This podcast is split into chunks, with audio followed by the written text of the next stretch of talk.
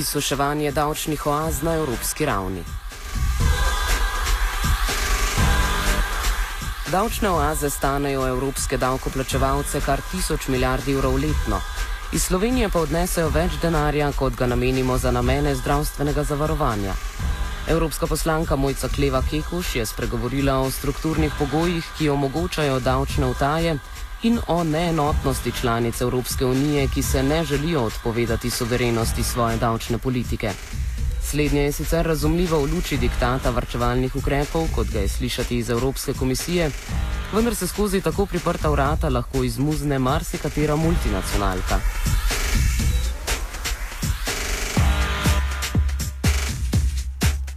Europoslanka Kleva, ki je pripravila poročilo o boju proti davčnim goljufijam, davčnim utajam ter davčnim oazam, nas seznani s tem, da pred svojim nastopom sploh ni imela delovne definicije, s katero bi lahko imenovala davčne oaze.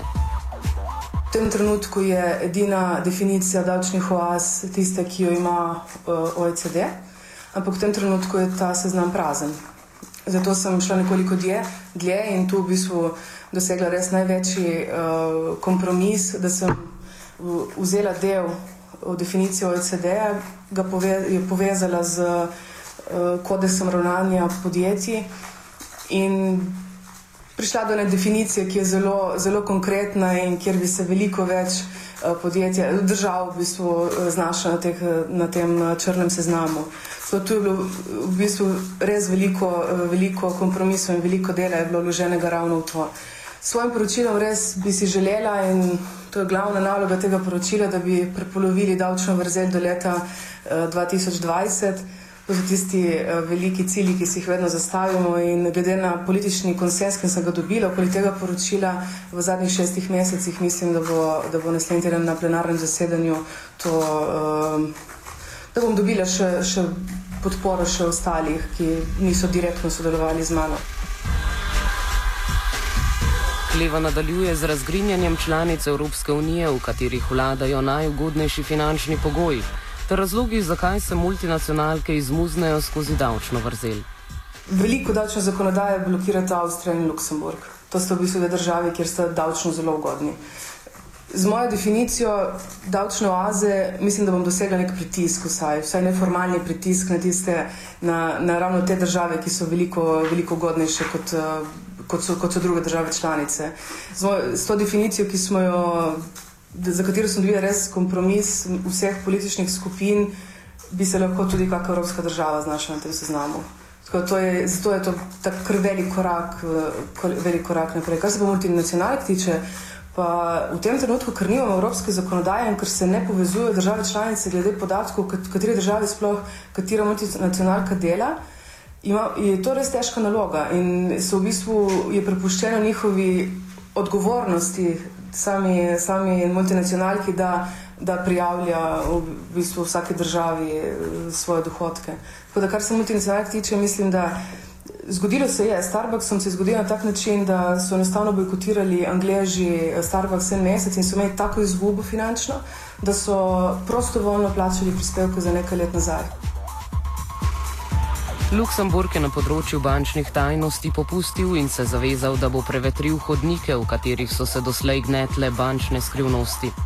Povsem druga zgodba pa je Avstrija, ki v poročilu ni želela biti niti omenjena.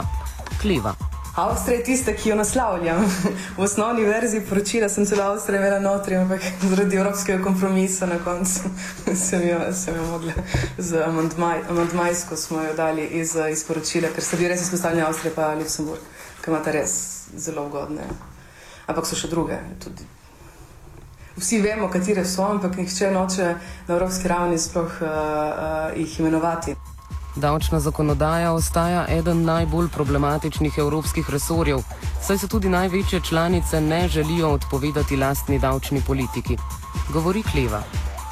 Glede res davčno zakonodajo na evropski ravni je, je še kar je, je eno od tistih resorjev, kjer mislim, da bodo države članice najtežje popuščali, še mogoče na kakih uh, drugih uh, unijah ali pa na kakih drugih temah lažje popustijo na davčnih, si vsaka država članica želi imeti lastno pristojnost. Beseda je nanesla tudi na Slovenijo, kjer po izračunih angliškega davčnega instituta več denarja izgubimo v davčnih vrzelih, kakor ga namenimo za zdravstveno zavarovanje. Za Slovenijo so pač ugotovili, da eh, izgubimo veliko uh, denarja v, da, glede, v davčnih goljufijah, v utajah, v izmikanju plačila davkov, kot ga uh, nameni naša država za, za zdravstveni sistem. To je dal kot enega od zaključkov te študije. Če damo za, če damo za zdravstvo, naprimer, 100 odstotkov, da se, se zgubi v davčnih utajah 108 odstotkov po njegovih izračunih. Kliva je spregovorila tudi o odnosu Evropske komisije do njenega poročila. Višja avtoriteta ji sicer daje tiho zaslombo, vendar na njo po drugi strani pritiskajo višji vložki. Evropska komisija me zelo podpira. V bistvu sem svoje poročilo pisala tudi v uh, stalnem sodelovanju z njimi, ampak oni si ne upajo iti tako daleč. Moja razlika med tem, kar sem jaz pripravila, je v tem, da oni da si ne upajo napovedati evropskega seznama davčnih oaz, ker pač pravijo, da ne želijo uh, direktno članice imenovati. Jaz si to upam. Kot Evropski parlament si vedno upamo iti korak dlje kot si Evropska komisija sem mogoče malo bolj optimistična za, za, za to, da, da bodo države mogle pač same ukrepati. Je pa tudi res, da z vsemi škandali, ki so se zgodili v zadnjih mesecih z temi offshore podjetji, pa z Ciprom na konec koncev, da so države same že prostovoljno že pripravili v bistvu pismo, ne vem, če ste videli, petih največjih držav, eh, članic, ki pač ki se, ki se zauzemajo k vnetem, k boljšem boju proti davčnim utajam in ki se v bistvu zavezujejo tudi razkritju bančnih podatkov. Zgodila se je zgodovinska napoved v bistvu Luksemburga pred enim mesecem, da bojo odprli bančne račune. Beseda pa je nanesla tudi na pojav digitalne in kriptografske valute Bitcoin, ki obeta, da bo tehnično še razširila davčno vrzel. Seveda pod pogojem, da postane ena splošno sprejetih oblik gotovinskega plačevanja. Kljivo smo zato vprašali, ali Evropski parlament že razmišlja o tem, da bi podobno kot kanadska vlada vsaj načelno skušal slediti transakcijam bitcoinov. Kljiva je potrdila, da so s tem pojavom sicer seznanjeni, vendar da sodni mlini meljajo počasi, zakonodajni pa še počasneje.